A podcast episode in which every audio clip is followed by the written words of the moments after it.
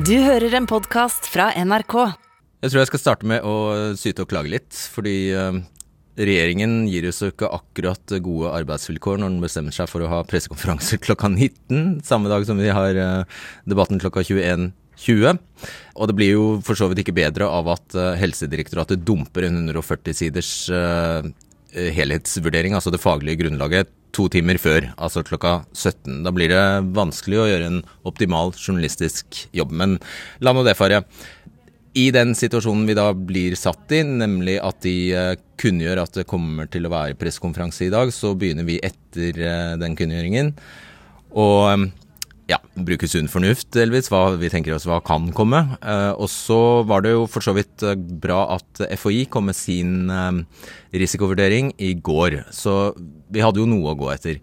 Og da begynner vi å ta kontakt med de bransjene der vi tror det kan komme reaksjoner, og der, der vi kan tenke oss at det finnes noen som fremdeles ikke er fornøyde. Vårt oppdrag er jo å skape debatt. Det sier seg selv.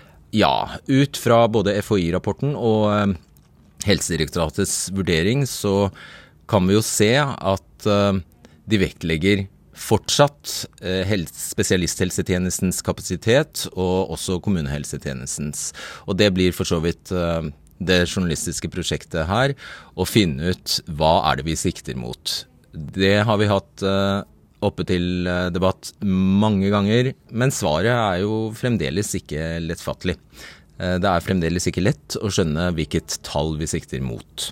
Så det forsøker vi å komme litt eh, nærmere et svar på. Og så er det jo nytt at FHI har sagt, og Camilla Stoltenberg har sagt, at nå er det om å gjøre at mm, så mange som mulig blir smittet så fort som mulig. Med tiltak.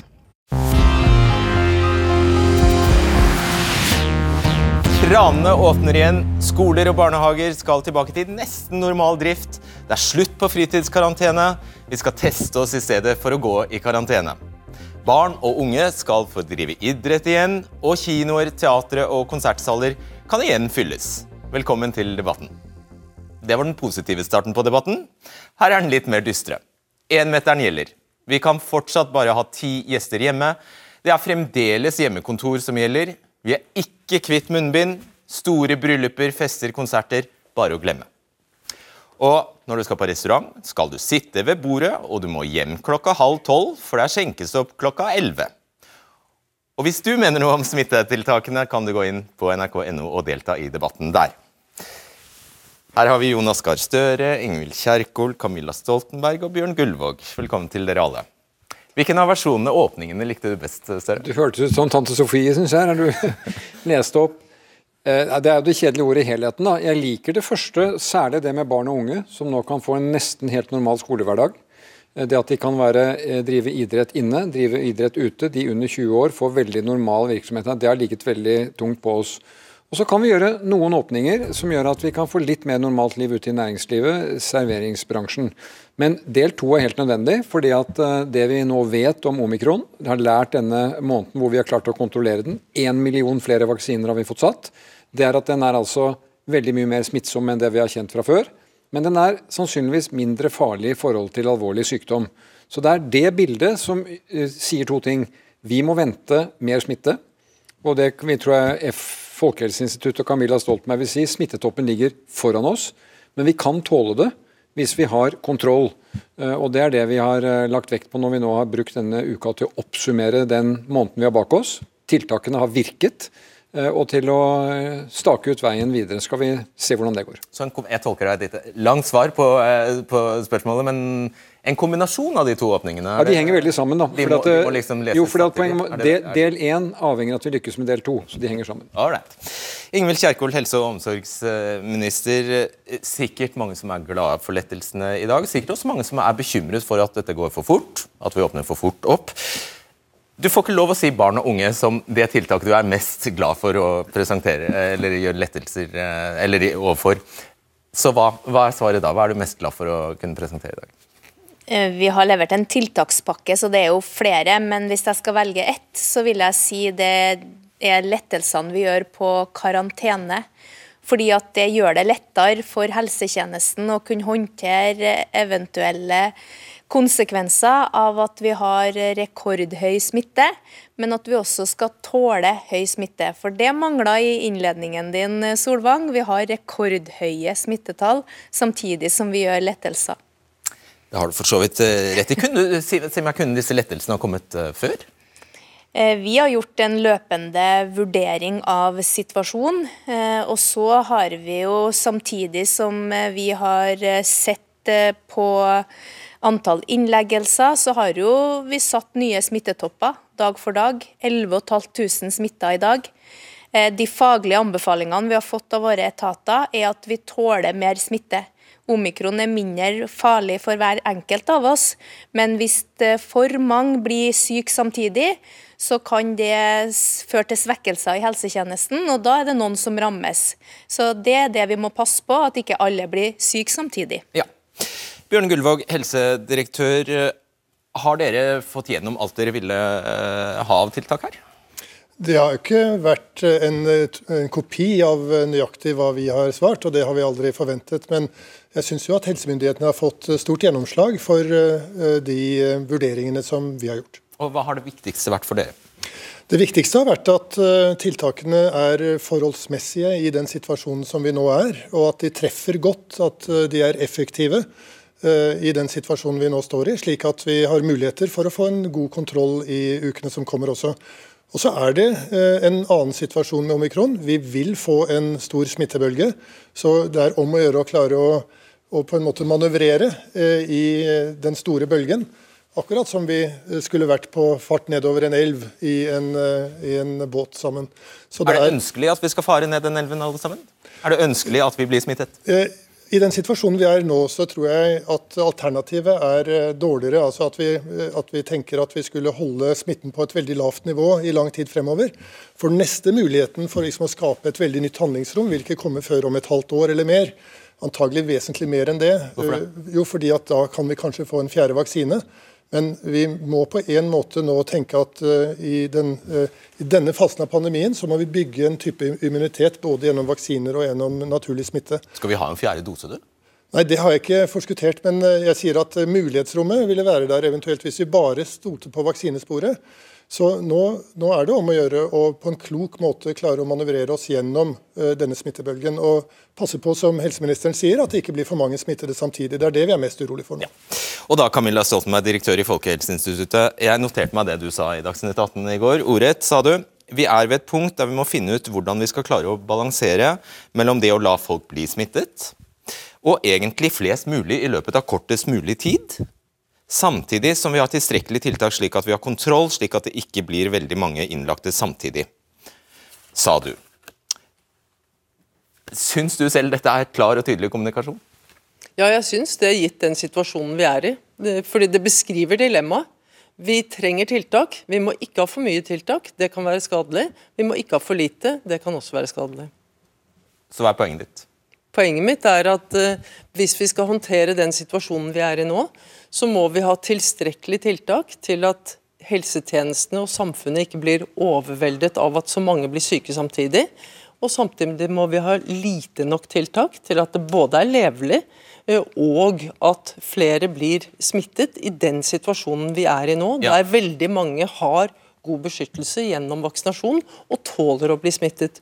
Og Vi ser jo at vi nå er i en situasjon der de som tåler dårlig å bli smittet, det er de uvaksinerte, det er de som har underliggende sykdom, de som ikke er vaksinert med tredje oppfriskningsdose og er over 45 år. Men det betyr at de tiltakene som fremdeles gjelder nå inntil i morgen, de er for få, eller de er for svake, eh, de er for, de er for sterke til at mange nok blir smittet? Er det riktig? Nei, det har jeg ikke sagt. Mange har blitt smittet nå med de tiltakene. De tiltakene vi har nå er sterke tiltak, gitt delta-varianten og de tidligere variantene.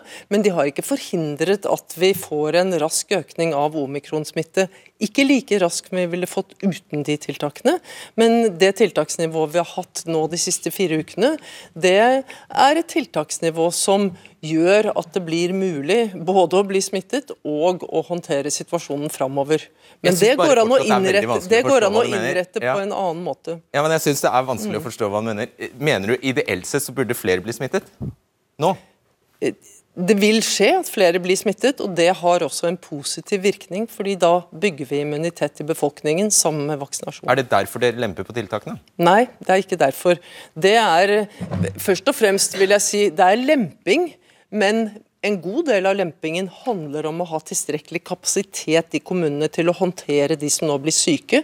Det er ikke først og fremst for å lempe på tiltakene for de som er plaget av dem, altså de som er i karantene. Det er fordi den samlede virkningen er at vi da har kapasitet til å konsentrere oss om det som er viktigst, nemlig å ta hånd om alle de som blir syke samtidig, og sørge for at kritiske funksjoner i samfunnet ivaretas. Men det er riktig forstått at når du sier at det er faktisk eh, eh bra og mange, og flest mulig, sier du, blir smittet fortest mulig, så skal vi forstå det Skal vi ta det som en beskjed til hver og en av oss, eller skal det, skal Nei. det? Nei. Og det er, det, sånn sett er det ikke god kommunikasjon, det er jeg helt enig i. Fordi ja. at veldig mange av oss trenger å beskytte oss. Man må tenke gjennom hvilken risiko eh, man selv har, f.eks. hvor gammel man er. Eh, og man må tenke gjennom andre forhold som gjør at man er spesielt utsatt hvis man skulle bli alvorlig syk. Eller, så hvorfor sa du det da, hvis, det ikke, hvis det ikke det, jeg skal tolke det som at oi, nå kan jeg jo like gjerne bare la det stå til der og bli, bli smittet? Det var et forsøk på å forklare den eh, vanskelige balansegangen som vi trenger å ha fremover for å håndtere den situasjonen vi er i nå. Den håndteres ikke godt ved at man har veldig strenge tiltak, så strenge at de hindrer all smitte. Nå tror jeg, tror jeg for så vidt ikke det er mulig heller, men eh, skulle det vært mulig, så hadde det i hvert fall krevd en type tiltak som bare ville utsatt problemet, for i det øyeblikk de ville heves, så vil vi fått en ny bølge. og Da vil vi kanskje, hvis det skulle skjedd, dette er hypotetisk, om en måned eller to måneder, i en situasjon der det er lenge siden folk er vaksinert, og beskyttelsen i befolkningen ville vært svakere enn det den vil være hvis en god del nå blir smittet, eller når en god del nå vil bli smittet i ukene framover. Da tror jeg vi har sett det. Ja, jeg håper det. Jeg skal altså, prøve enda hardere å få det klart fram, for det er et veldig viktig, men vanskelig budskap å formidle. Ikke sant. Men eh, la oss ta noe enklere. dere. Det blir skjenkestopp klokka 11.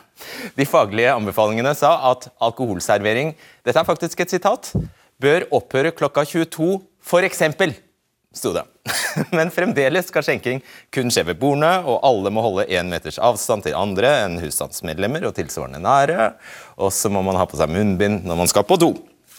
Og Da skal jeg få inn en representant for uh, næringen. Det er deg, Tommy Aasheim, daglig leder i restaurant Låven i Trysil. Dere driver afterski og restaurant. Er det fortsatt krise, eller hjelper dette? Det er fortsatt krise. Okay. Det er det. Uten tvil. Dessverre. Hvorfor det? Eh, nå har vi vært gjennom i to år med et levende mareritt. Med dårlige ordninger. Og det er bare trist alt sammen. Men jeg skal få begynne med å si at jeg er så glad på vegne av alle restauranter og alle hoteller som får åpne nå og får starta virksomhetene sine. Men uh, for min del så er det ikke sånn. Det er kanskje, I stedet for at jeg taper 1 million i uka i omsetning, så detter ned på 900 000. Eh, eh, fordi, fordi, du fremdeles må stenge klokka 11? Er det derfor? Nei, det er for at jeg driver et afterski-sted og nattklubb, og som i prinsippet har fått næringsforbud. Og da blir det vanskelig. å mingle og Folk kan ikke mingle. Jeg får ikke ha inn det antallet som jeg skal ha. Og jeg kjenner ikke én person i denne bransjen her som ikke da ønsker å følge opp under alt det som blir bestemt. Men hvorfor næringa skal sitte med milliongjeld og i, altså pantsette husa sine nå, det er helt håpløst. Jeg kan ta et par eksempler. Prata med en på vei ned hit nå. Han driver Gaia Gaiastova i Hafjell. Han heter Steffen. 3,5 millioner i minus. Han har pantsatt huset sitt for å drifte denne vinteren. Og han fikk to og en halv time, samme som meg. Og så var det stopp. Og vi har forberedt mot vinteren. Og vi har liksom brukt masse penger nå for å åpne opp, og så er det kjørt. Men hadde du, hadde du greid å holde styr på en haug med fulle folk på slalom, som vakler av gårde på slalåmsko? Nei. Nei.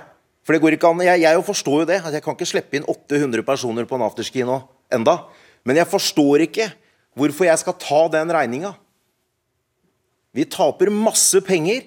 Vi driver sesong. Og Jeg har cirka, jeg, ta eksempler, jeg har 250 000 i månedlige kostnader.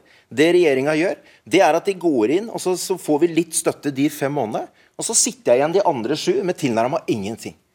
Vil svare Støre. Ja, Det gjør inntrykk på meg. Jeg skjønner at det der er utrolig frustrerende når du har lagt så mye i det, og du har en del kolleger i samme situasjon. Vi har jo forsøkt etter beste evne å lytte til bransjen og næringene og lave kompensasjonsordninger som best mulig skal treffe.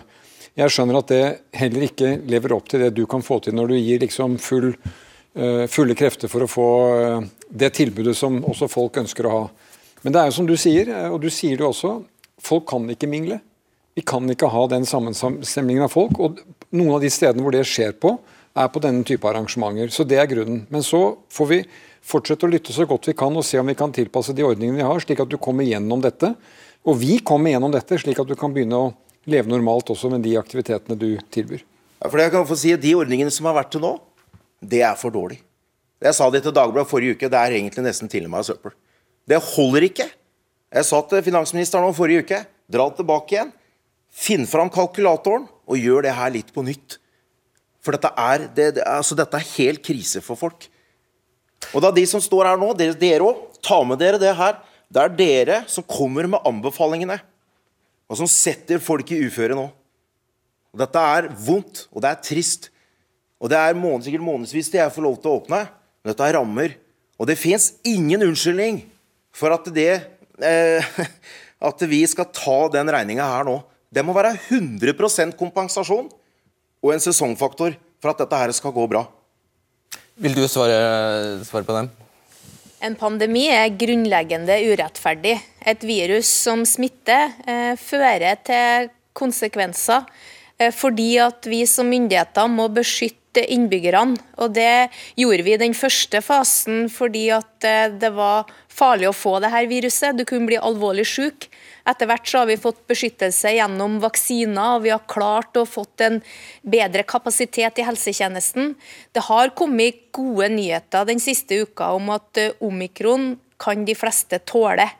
Og Jeg ønsker jo å dra på afterski, har litt eh, lite fritid, men det er bra. Og at noen lever av det, det har jeg grunnleggende respekt for. Men dette viruset må vi håndtere, og jeg håper at vi er i den siste fasen nå. og Det har vi fått en del gode nyheter som bygger opp under.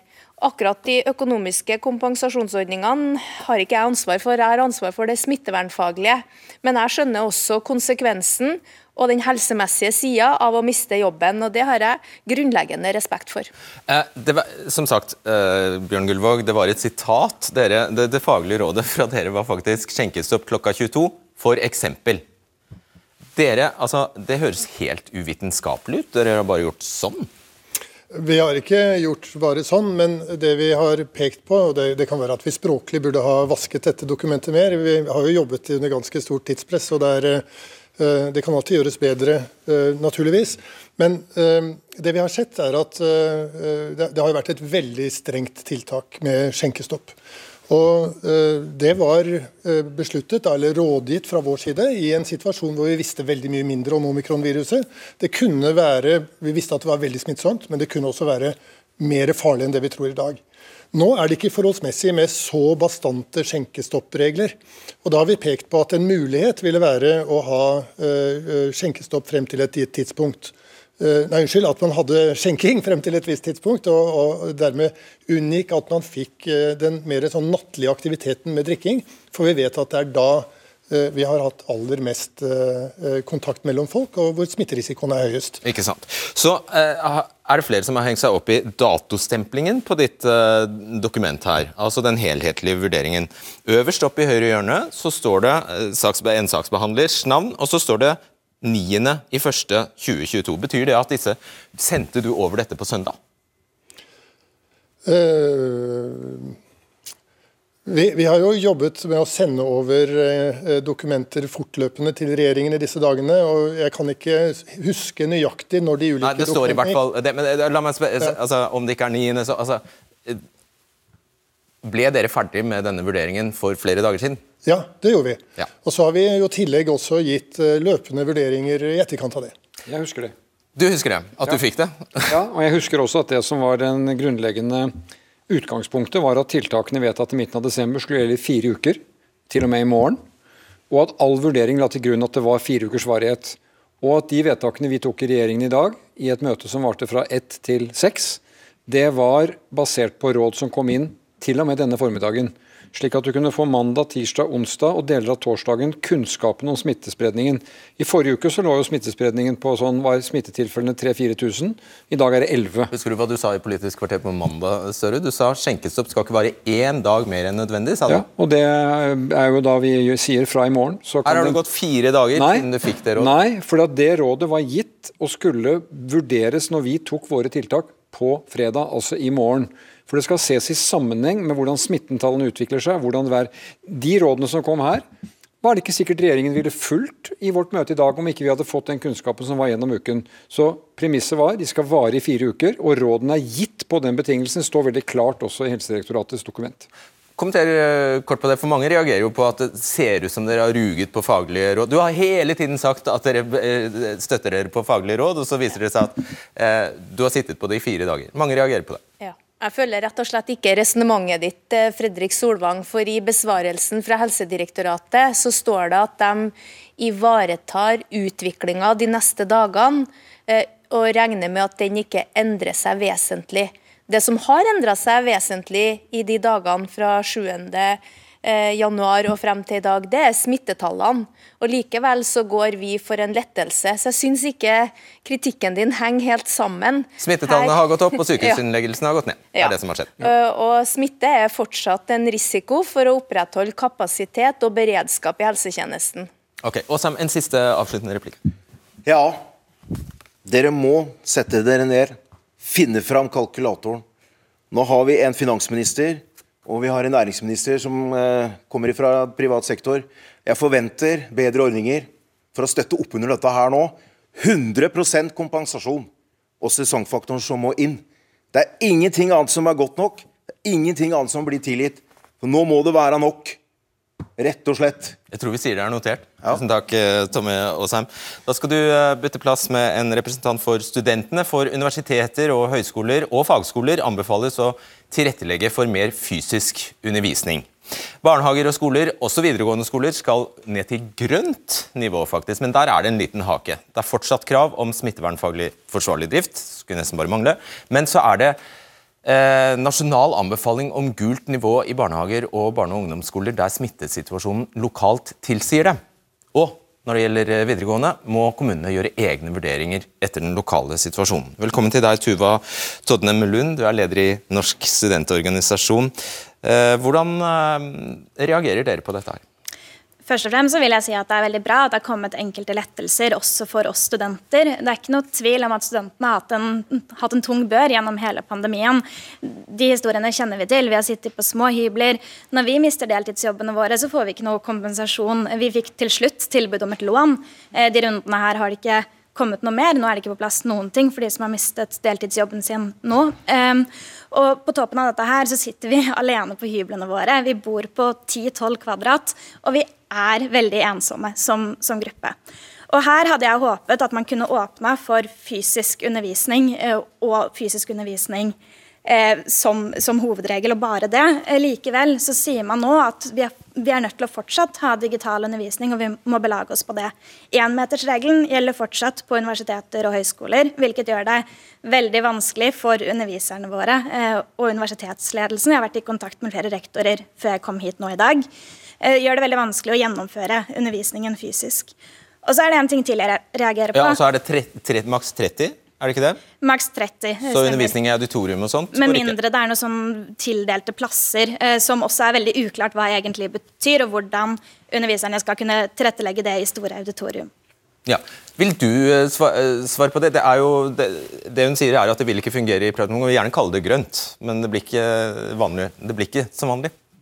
Nei, Det blir jo ikke helt som vanlig. og, og Dilemmaene her er enorme, i den forstand at det er nødvendig med en del tiltak, og det er vanskelig å fordele det utover.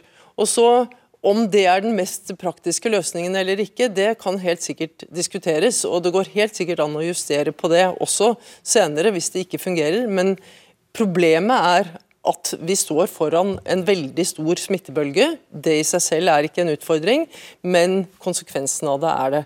Og Da må vi få ned kontakthyppigheten. og det betyr jo for at Er det derfor Ikea er åpent? Det er ikke den samlede vurderingen som vi har gitt her, men den, den erfaringen vi har, er at det er mye kontakt på eh, universitet og høyskoler, og at det har vært viktig å ha noe form for begrensning av det. Vi har vært veldig opptatt av Du skjønner poenget? Ja, jeg skjønner poenget. Men eh, her, her, er det jo en prioritering av alle de ulike mulige stedene man kan ha tiltak. Så her er målet vært å redusere de tiltakene som har vært i universitets- og høyskolesektoren betydelig, og det har skjedd. Men eh, det kan godt være at eh, det må ses på igjen hvis det ikke fungerer i praksis. Men eh, Tuva, altså, jeg vil bare si til deg, Når vi har diskutert dette, så har dette vært et av de viktigste tingene for oss. Få campus tilbake muligheten til å komme på, på, tilbake. Det var, det var, strengt i midten av desember, for da var det vektlagt at det i hovedsak skulle være digitalt. Digitale mulighetene er der, men jeg håper du går inn og leser det som er besluttet i dag. Nå er det tilbake igjen til undervisning.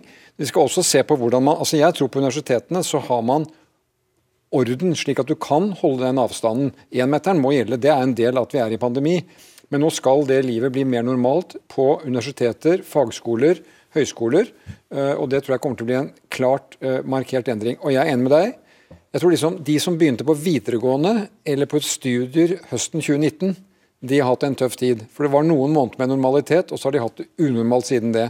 Så vi ser på det hele tiden. og Ola Borten Moe, som er høyere utdanningsminister, han er en kontinuerlig minne på det, at vi må se på tiltak som kan dette. Så det vi har gjort på hele undervisningsfeltet, videregående og på på, på, studier, det, det, håper jeg kommer til å føre til en bedring. Det er veldig godt å høre at dette har vært høyt prioritert eh, hos dere, og vi er så glad som sagt, for enkelte lettelser her. Samtidig så har jeg i dag snakket med flere rektorer som forteller at spesielt dette énmeterskravet gjør det vanskelig å kunne gjennomføre undervisning og kunne sette i gang med det med en gang. Og det var et krav som var fjerna tidligere i høst.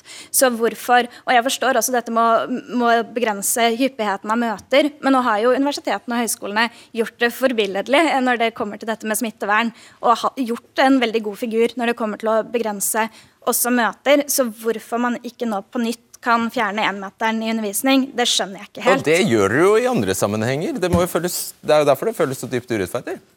Nå har vi letta på tiltakene i dag, og eh, høyere utdanningsministeren er veldig opptatt av at det skal være fysisk tilstedeværelse på campus. Eh, at det skal være undervisning fysisk. Eh, og så er det de antallsbegrensningene som eh, gjelder for arrangement. Det betyr at du kan få ganske mange studenter inn i et auditorie. I et klasserom så er begrensninga 30. Eh, og så skal disse tiltakene vare i to uker, og så skal vi gjøre en ny vurdering. Ok, du får avslutte. Ja, eh, en ting til, da. Ja, okay. Det som er forskjellen òg fra tidligere, det er jo at omikron er mye mer smittsom enn delta-varianten.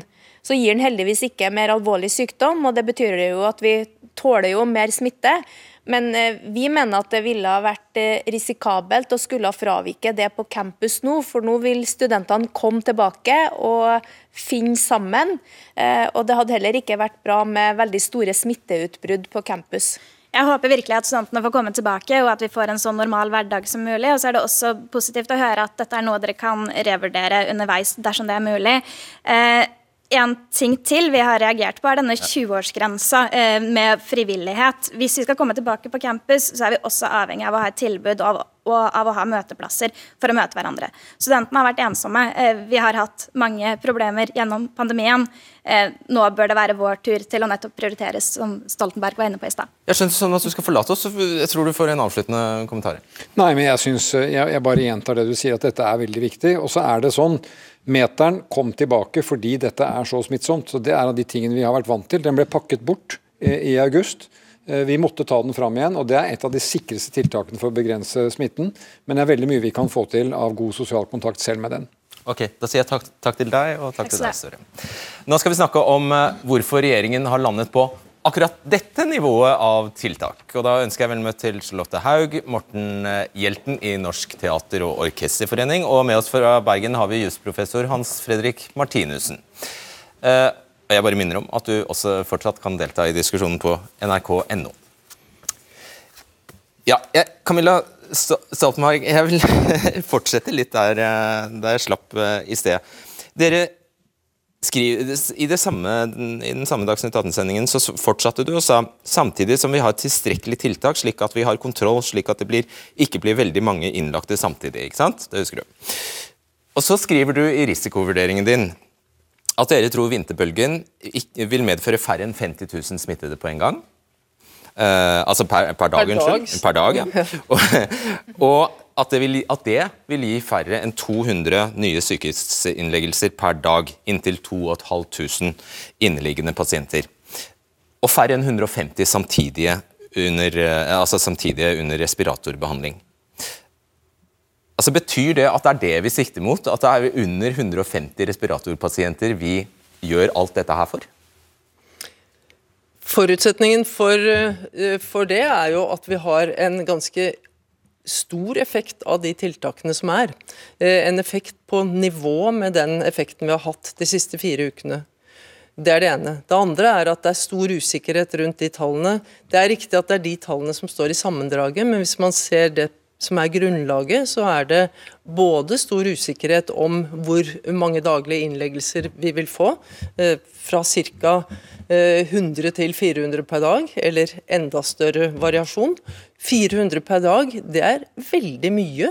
Det høyeste vi har vært oppe i hittil under pandemien, er 60 per dag en liten stund, noen få dager i eh, høsten 2021 og noen få ja, dager våren 2020. Jo, men jeg må, bare, jeg må bare forklare at de tallene eh, de er en illustrasjon på sånn cirka der vi tror det kan komme til å ligge i vinterbølgen, gitt at tiltakene virker. Ja, og Da, da er spørsmålet mitt fremdeles de tiltakene som nå fremdeles vil res, eh, sette stramme restriksjoner på våre, eh, våre liv.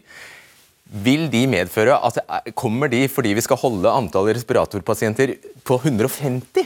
De kommer eh, fordi at vi skal holde både eh, sykehusene i stand til å ta seg av de pasientene som kommer, både de som er rammet av koronavirussykdom og de som er rammet av andre ting. Kommunene skal ta seg av folk som er i sykehjem, som trenger omsorg hjemme skoler og barnehager skal fungere, brann, politi, alle de kritiske samfunnsfunksjonene. Fordi Når vi får så mange smittede, så er det ikke bare innleggelsene som er en utfordring, det er også at veldig mange blir såpass syke at de kan ikke gå på jobben. Så Tiltakene er jo innrettet slik at man frigjør mye kapasitet ved å f.eks. slutte med en god del av TISK-arbeidet, karantenering osv. Og man regner med da at vi kan få en like god effekt av de tiltakene, selv om det i praksis også er lettelser. Ok, uh, Gullvåg, uh, vi, altså de 1200 intensivplasser viste seg å være et luftslott. og nå er altså, Du ga jo oppdrag, eller det ble, det ble, gitt et oppdrag til Helse Nord om å kartlegge hvor mange intensivplasser har vi egentlig i Norge. og Da kom de tilbake med svaret 647. Hvordan henger det sammen? 647 har vi altså, men så har vi tiltak nå som FHI tror vil plassere oss på ca. 150. Hvordan henger det sammen? Ja, det er heldigvis sånn at vi de siste dagene har fått mer informasjon om at risikoen for eh, innleggelser i intensiv blant de omikronsmittede er vesentlig lavere enn tidligere. Og det er en god nyhet. Og Det er også grunnlaget for eh, noen av de eh, tiltakene som er iverksatt i dag, tenker jeg. Altså, det er jo faktisk slik at uh, det er uh, på mange områder som man har uh, løftet på noen av disse tiltakene. Det henger sammen med at belastningen på spesialisthelsetjenesten er, kan ses på som mer håndterbar enn det vi kunne se for oss for noen uker tilbake.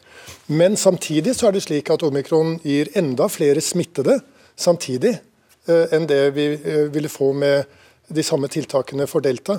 Slik at uh, vi får andre problemer i samfunnet. Enn, uh, og kanskje blir ikke dette med intensivplasser og respiratorer egentlig den begrensende faktoren i tiden fremover. Nei, for da skal vi begynne å snakke om hva? Bare innlagte, eller uh, hva? Sykmeldte, og naturligvis pasienter i legevakt osv. Men så er det også sånn at med veldig mange i sykehusene som har covid-19, for det kan vi få, så vil vi fortrenge en del andre pasienter og en del andre oppgaver Sånn at uh, det tilbudet som vi kan nyte til befolkningen for øvrig, vil være noe lavere enn det det er uh, i det daglige. Ja, det skriver dere. Ok, Charlotte Haug, du skal få komme til uh, bare aldeles straks, statsråd. Charlotte Haug, du er lege og du har doktorgrad i immunologi og infeksjonssykdommer. Tidligere redaktør i Tidsskrift for Den norske legeforeningen. Um, skal, jeg tror du skal få kommentere det som ble sagt akkurat her. Ja. Nei, Jeg syns det er kjempefint at vi nå sier rett ut uh, mange ting, sånn som at f.eks. at det er et mildere, et mildere uh, virus. Jeg må berømme FHI for den rapporten, uh, den som kom nå. Den var veldig grundig. For første gang så snakket vi om ting som at det er nødvendig at, med naturlig immunitet. Vi har en beskyttelse både i vårt eget immunsystem og i vaksinene. og nå er det, så Det syns jeg var veldig fint. Og, det, og det har du savnet til nå? Du har ment ja, har, at det var sånn, men har, du har etterlyst at de skulle Men da er det fint at det kom. Og så, og så er det fint at at vi da sier rett ut at det faktisk kan være en fordel både for de vaksinerte og for uvaksinerte utenfor risikogruppe å faktisk få sykdommen nå.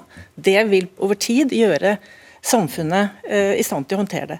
Det står rett ut i den rapporten, og det er helt korrekt at uh, dette viruset kommer vi til å leve med i forskjellige varianter. Så det er bare et spørsmål om hvordan vi håndterer uh, disse bølgene. Jeg er overrasket over konklusjonen, for jeg ville trodd at man ville åpnet mer, ut fra det som står i den rapporten. Eh, men kan, eh, Det er det ene. Men det andre som jeg syns er fint, at kommer ganske tydelig frem, og vi håper det blir fulgt opp, det er dette at det er ikke noen stor grunn til å, til å lage dette veldige skillet mellom uvaksinerte og vaksinerte. Eh, fordi det er de som er Sånn som jeg leser rapporten, så er det de uvaksinerte med risikofaktorer som er utsatt. De andre er ikke det. Og da håper jeg vi ikke kommer inn i en situasjon hvor den motsetningen blir Eh, mer enn det den allerede er. Og så tar vi det, altså I den samme rapporten som du refererer til, og som jeg også gjorde, så står det altså at de, FHI tror at med disse 50 000 smittede per dag, så vil man havne på 150 på intensiven. Hva sier du til det? 150? Nei. Nei, Det er jo ikke et høyt tall, men det, det, er, men det jeg tenker er at eh, det er viktigere det som kommer frem nå, om at det er færre som havner på intensiven. Og så tror jeg vi skal ha en stor diskusjon om hvordan vi skal ha kapasiteten i helsevesenet. Men det, det er ikke denne diskusjonen akkurat nå. Men, eh, men eh, jeg syns det er en oppløftende rapport fra FHI, og at det er god grunn til nå å senke skuldrene litt. Svarer du kort, og så Kjerkol? Ja, jeg vil bare egentlig, det, det er, Jeg er enig i det Charlotte Haug sier, men, men det er det tallet på 150 er også veldig viktig å presisere at det er kanskje det vi er aller mest usikre på. Hvor mange som vil havne på intensiv. Så langt så har det kommet gode nyheter, så vi har grunn til å tro at det er langt færre av de som blir innlagt på sykehus som vil trenge intensivbehandling. Men vi er ganske usikre på det fortsatt. Ja, Det kan både bli det, høyere og lavere. Ja, og, og, og, og det Eh, vil vi finne ut mye mer av i løpet av to uker. og Derfor er det bl.a. et toukersperspektiv på de tiltakene som iverksettes nå. Du ristet sånn på hodet i sted at du må nesten forklare. Hva var det? Ja, for jeg mener du fokuserer på at vi har eh, inngripende tiltak pga. intensivkapasiteten alene, og det mener jeg ikke er hele sannheten. Jeg har bare hørt på hva dere har sagt. Jeg har bare hørt det, dere har sagt, Det er pga. intensivkapasiteten. Ja, har dere sagt. Og så ble plutselig kommunehelsetjeneste. Jeg er klar over det det har vært eh, nye, nye, argumenter. Nå snakker du så mye at jeg tror ikke du hører hva jeg sier. Så jeg lurer faktisk på om du har hørt det vi har sagt. Hva har du sagt da? Fordi vi prøver å se på samla kapasitet i helsetjenesten, og også den kommunale helsetjenesten helsetjenesten, som skal ivareta også alle andre pasienter. Det skal òg sykehusene i en normalsituasjon. Og jo mer ressurser tjenesten bruker på å håndtere covid, eh, jo mindre får de brukt tida si på andre pasienter. Og Der har vi kommet nå. Jeg syns vi har hatt en rekke gode nyheter de siste ukene. Eh, og da er det jo ikke sånn at eh, vi kan senke skuldrene. Ja. Men det er også andre pasienter som ikke har fått helsehjelp i de her månedene, eh, som vi er nødt til å ivareta. Så vi er nødt fortsatt til å passe på smitten, fordi at nå skal smitten Og det er jo første gangen en eh, norsk regjering sier at det er greit å bli smitta av omikron. Eh, det har vært et mål om å bekjempe smitte i denne pandemien. Nå aksepterer vi at folk blir smitta, men hvis for mange blir smitta samtidig, så går det ut over ja, beredskap. Det får du hon honnør for her, som du hører. Da, Morten Morten Hjelten, du er direktør i Norsk teater- og orkesterforening. Det er altså slik at det åpnes nå for 200 personer på arrangementer med tilviste plasser, altså faste plasser. Eh, de trenger ikke å være boltefast som før, tror jeg, men de må være til, tilvist, anvist. Um, og det er jo fire ganger så mange som har vært tillatt til nå, så dette er vel en glad nyhet? Nei, Det er det jo selvfølgelig slett ikke. Er, altså, hvis noen truer med å brenne hele gården din og bare tar låven, så betyr jo ikke det at du trenger å juble av den grunn. Altså, det, jeg syns programlederen gjør en fin jobb med å få fram forvirringen rundt tall, og hvor vanskelig det er å oversette disse rapportene inn mot et forståelig språk som både vi og resten av offentligheten forstår. Altså Det eneste tallet man virker å være 100% sikre på for øyeblikket, er at det kan ikke være mer enn 200 mennesker på Nationaltheatret. Og Det er selvfølgelig for oss, i den situasjonen vi er i nå, helt, helt uforståelig. Altså Tillit er, er, det sentrale ordet i Norge. Eh, og Den dårlige nyheten jeg kan da si til helseministeren, er at den tillits, altså, tillit som kapital i Norge er, er, helt vesentlig. og Vi er dundrende opptatt av i den bransjen vi representerer, av å holde på den og underbygge tilliten til politikerne. Og For øyeblikket så finner ikke vi faglig grunnlag for, i de rapportene dere skriver, i de rådene dere gir regjeringen og de eh, oversettelsene dere tar med ut på pressekonferansene, vi finner ikke faglig grunnlag for hvorfor i all verden det skal være 200 mennesker i Stavanger konserthus for øyeblikket. Og Det er et problem. fordi at Hittil har vi altså hele kulturbransjen vært strålende lojale mot dette prosjektet. Det er det tryggeste stedet å være i. Det fins faktisk heller ingen utbrudd eller noe, noe, noe, noe beviselig eh, eh, galt som har skjedd i disse institusjonene. Og Vi trenger altså forstå hvorfor vi i akkurat denne dobbeltkommunikasjonstid er så viktig at akkurat kulturlivet fremdeles, det er faktisk det eneste vi virkelig syns er helt permanent, at vi prioriteres lavest i denne helhetsvurderingen. Og Det er farlig. Jeg tror ikke vi aner konsekvensene av hva dette gjør med oss som medmennesker eh, på lang sikt. Denne, at møteplassene forsvinner. Hvor tok du tall 200 fra? Takk. Ehm, det er jo et skjønnsmessig tall. Og eh, nå er det slik at Regjeringen har bedt oss om å se nærmere på dette med arealutnyttelse og antallet. Så det skal vi naturligvis gjøre. Og jeg tror det er helt riktig som du sier, at eh, det går an å finne mer treffsikre tiltak i forhold til dette. Mm. Så eh, vi jobber under ganske stort trykk eh, og har begrenset med utredningskapasitet. Og gir våre skjønnsmessige beste råd. Og så er det jo alltid det, altså Her har vi hørt i dag at det er de som driver eh, med afterski, eh, studentene, kulturlivet. Og det er mange andre mm. som naturligvis er veldig frustrert over det, den situasjonen som vi befinner oss i. Det er, men det jeg kan love, det er at vi naturligvis skal se nærmere på dette med antall og størrelse på lokaler. Men smitten skjer i all hovedsak innendørs, og omikron er svært smittsomt. Mer smittsomt enn de tidligere variantene vi har sett. Vi savner altså den, det faglige grunnlaget for å fortelle hvor, hvor, hvor farlig det innendørs smitten har vært innenfor våre institusjoner gjennom disse to årene. Det utfordrer jeg helsemyndighetene på å komme tilbake på. Hva, hva er situasjonen for eh, teatret og, og, og, og eh, Vi kommer opp, altså Hele bransjen er jo, er jo, som vi hørte i dag, vi hørte det private restaurantvesenet. Eh, ikke sant? Altså, jeg representerer en type institusjoner som er tungt offentlig støttet. Eh, og, vi, og vi har kulturministre som begge de to siste regjeringene har jobbet godt for å skaffe penger. Altså en slags kompensasjonsminister. Eh, det, er, det, det, klager vi altså ikke på. Og vi har hittil også sluttet helhjertet opp om de fleste aktivitetene. Men, men det som er situasjonen for øyeblikket, er jo at det, det, er jo ikke, Vi lever jo ikke eh, altså det, Meningen med disse institusjonene, meningen med utelivet, meningen med kulturlivet er, ligger i møtet mellom publikum og kunsten. Uh, uten, uten, det så blir Så, så du sier, satt på spissen, dere går ikke konk siden så, Nei, altså, som jeg sa, vi overlever. Nei, men, nei, nettopp. dere forvitrer. Som en kamerat av meg tvitra til meg før i dag, vi, vi overlever, men ikke som medmennesker. Eh, og Kostnaden ved det tror jeg er kraftig undervurdert i alle de vurderingene som er gjort, ikke bare i Norge, men i hele Europa. gjennom denne perioden. Du har en kommentar? Nei, Jeg er helt enig i det han sier. og Det, det er en dobbeltkommunikasjon her, Gullvåg. fordi det, det, er klart at nå, nå, kan vi godt bli smittet litt. Vi skal ikke bli overdrevet smittet, men vi kan smittes noe. og Da må vi ikke holde fast ved det at uh, vi smittes innendørs osv. Ja, vi gjør det, hjemme og andre steder. Men det er utrolig viktig at vi får tilbake et liv, altså. Men jeg vil også understreke det at eh, vi gir jo ikke eksakte eh, tall eh, som vi nå mener skal gjelde. Det er i stor grad også en helhetlig vurdering, som politikerne naturligvis også ser på. Og, det er en vanskelig kabal å få til å henge sammen fullt og helt. og Hele vårt formål det er at vi ikke overbelaster så mye at vi gir dårligere tilbud til våre pasienter. Det kan godt være at fordelingen av tiltakstrykk burde vært annerledes enn det det er i dag. Så jeg skal ikke påstå at vi har noen fasit på hvordan dette skal være. Men eh, vi mener at det ville være galt å slippe opp alle disse typene aktiviteter, fordi vi ville fått et for stort smittetrykk på en gang. Ok, Da skal vi gå til deg, Hans Fredrik Martinussen. Du er eh, professor i juss ved Universitetet i Bergen. og Det er jo ikke så veldig mange dager siden du var med i debatten eh, sist. og Da kom du med kraftig kritikk av regjeringen for manglende åpenhet rundt eh, tiltakene. Vi snakket da om skjenkestopp. Nå viser det seg altså at eh, rådet fra Helsedirektoratet og for så vidt fra FHI ble oversendt på søndag, og så har regjeringen brukt noen dager på å, som de sier, gjøre en helhetsvurdering. Hva er dommen din i dag?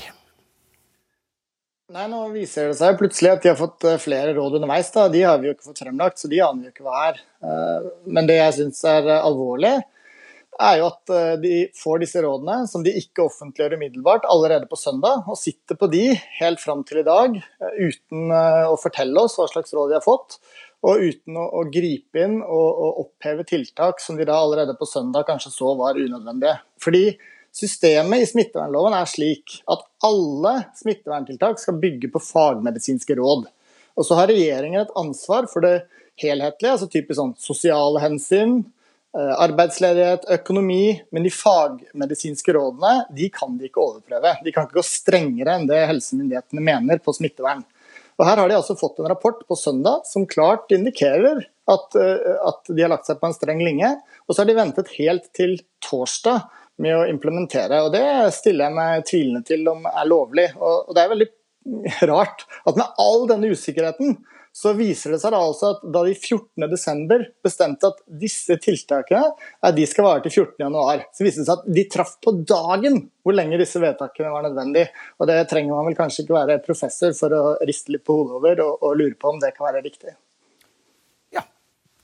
Ja, her er jeg nok uenig nok en gang med professoren i forvaltningsrett fra Bergen. Men det er han som er eh, professor i juss? Ja, ja, ja, ja. Men eh, for det første så syns ikke jeg resonnementet henger helt sammen. fordi at i besvarelsen fra Helsedirektoratet så står det at de, eh, de eh, forutsetter at det ikke er vesentlige endra, eh, endra, endringer i situasjonen eh, fram til regjeringa tar sin beslutning.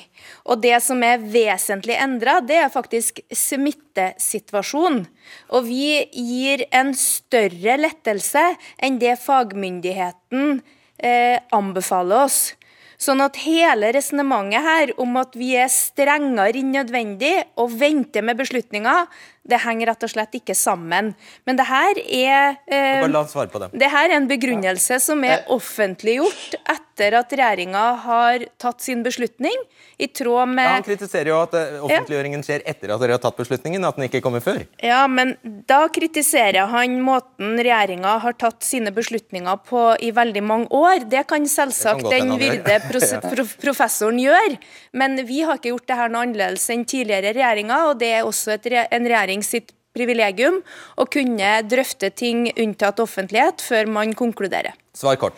Ja, eh, altså Det jeg kritiserer, er at disse tiltakene varer helt til i dag. Altså, de sier at Det eneste som har skjedd siden søndag, er at smittetallene er gått opp. Eh, sånn at eh, Da burde man jo allerede på søndag f.eks. opphevet skjenkestoppen. Nå kommer jo dette veldig tett på eh, denne helgen for bransjen, som da må områ seg i full fart fra i dag til i morgen. Eh, og Dette kunne vært kommunisert allerede på søndag, at de hadde fått fagmedisinske råd som tilsa at dette måtte oppheves. Sånn at det, det jeg eh, etterlyser, er at ting offentliggjøres med en gang sånn at vi eh, kan ha tillit til de vurderingene som treffes, og at med en gang de ser at fagmedisinske råd tilsier en lettelse, så bør den gjøres umiddelbart. Man kan ikke vente fem dager fordi man har låst seg til den datoen på forhånd. Man kan ikke både, både si at ja, men det, kan det er mulig både... å gjøre en, et, et eller et stengetidspunkt ja, men, eh, er, vel vans, er, vel vanskelig å avgjøre, rett og slett? Ja, men den vyrde professor kan ikke både presisere at uh, regjeringa har et ansvar for å se helhetlig på det, og samtidig kreve at vi iverksetter ett faglig råd uten å ha gjort den jobben. Det syns jeg er urimelig. eh, ja. ja. den kan vi, kanskje vi tar den. ja, greit. Eh, Camilla, eh, Camilla Stoltenberg. Um, Hvorfor ikke gjøre som vi, nå, nå kommer det jo rapporter fra Sør-Afrika. Der, der VG, har, VG, har, rapportert fra Sør-Afrika at der er det over. Omikron er nær sagt over. Og det ble ikke et, et, et helsevesen der knelte ikke. Storbritannia, eller England og Danmark er også kommet lenger enn oss. Hvorfor? Og der er erfaringene at de, eh, helsevesenet er intakt. Så hvorfor kan vi ikke bare slippe opp? Altså, både det som skjer i Sør-Afrika, Storbritannia og Danmark er jo eh, viktig som vurderingsgrunnlag når vi har gitt anbefalinger om lettelser i det omfanget som vi har gitt nå. Og så har vi sagt at i de nærmeste to ukene så vil vi få en betydelig smitteøkning. Og vi må se konsekvensene av dem før vi kommer med nye anbefalinger om ca. to uker. Det er en periode der vi vil se om det går slik i Norge som i Danmark. Eh, og eh, også Danmark har tiltak, og har hatt tiltak på nivå med oss. Det er nyanseforskjeller. Hva ville ditt råd ha vært? I dag? I dag, ja. ja jeg ville nok åpnet opp eh, mer. Eh, og, eh, fordi det, det, er såpass tydelige tegn nå. Jeg synes som sagt det var en god rapport. Og, men jeg tror kanskje det aller viktigste er det som kommer fra kultursektoren osv. Altså, vi, må tenke, vi tenker helhetlig. Vi tenker veldig da ofte på helsevesenet. Men det er hele det livet som vi har lagt til side på mange måter. Den måten vi har vente oss til å se på andre mennesker som noe som er en smittekilde. Eh, det er det livet vi må tenke på, det at vi prøver å polaris at vi polariserer. Eh, derfor ville jeg ha åpnet. Du, et, eh, helt, eh, et, spørsmål som handler om vaksine på, helt på tampen her. Hva er rådet ditt til folk i 20-årene? Bør de ta tredje dose? Vi har sagt fra Folkehelseinstituttets side at de som er under 30, de får et tilbud om den tredje dosen, og som alle så må man individuelt ta standpunkt til om man vil ha det eller ikke. Ja, men det er jo ikke noe råd. Hva? Jo, det er et råd. Det er et råd om at de som ønsker det, de som har spesielle risikofaktorer, spesielle grunner, de bør ta det. De andre de bør vurdere å ta det. Ja, Så det blir opp til en selv, da. Det er det uansett. Ja, ja, det er for all del. men, men, hvis du er i den alder under, under 30. Mm. Ok. Eh, ja, beklager. Vi kommer ikke, kom ikke noe nærmere noe eh, tydelig, tydelig, eh, tydeligere råd der enn det. Men jeg får si tusen si Jeg ville gjort det hvis jeg var under 30, hvis det ikke var spesielle grunner til ikke å gjøre det. Eh, men, men, men det betyr ikke at vi ikke anerkjenner at her er det mye mer usikkert hvordan man kan vekte nytten i forhold til ulempene. Og det er vi uttrykkelige om, og kommer til å fortsette å være åpne ærlige om alltid. Det var veldig nyttig, fordi sist gang du sa noe sånt, så, så gjaldt det Moderna, og da løp alle og fikk seg Moderna. Så det funker, Camilla Stoltenberg, når du sier noe. Tusen takk skal dere ha. Eh, vi rekker ikke mer, men debatten er, eh, er tilbake neste uke. Vi ses da.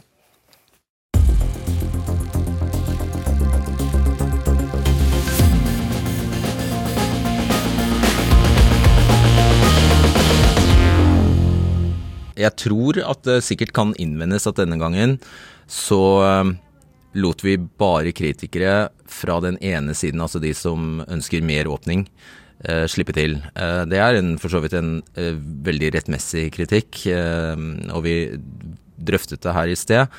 Men samtidig så registrerte, klarte ikke vi å registrere så veldig mange, eller egentlig ingen, som eh, høylytt tok til orde for at det eh, var uansvarlig å åpne opp såpass mye eh, før sending, i hvert fall. Det er jo alltid en ambisjon om at vi på sikt skal være balanserte. Vi skal jo speile så mange sider som mulig av samfunnsdebatten, så vi kommer tilbake til det hvis de stemmene melder seg. Da tror jeg bare at jeg ønsker god helg, dere. Ha det bra. Du har hørt en podkast fra NRK. De nyeste episodene hører du først i appen NRK Radio.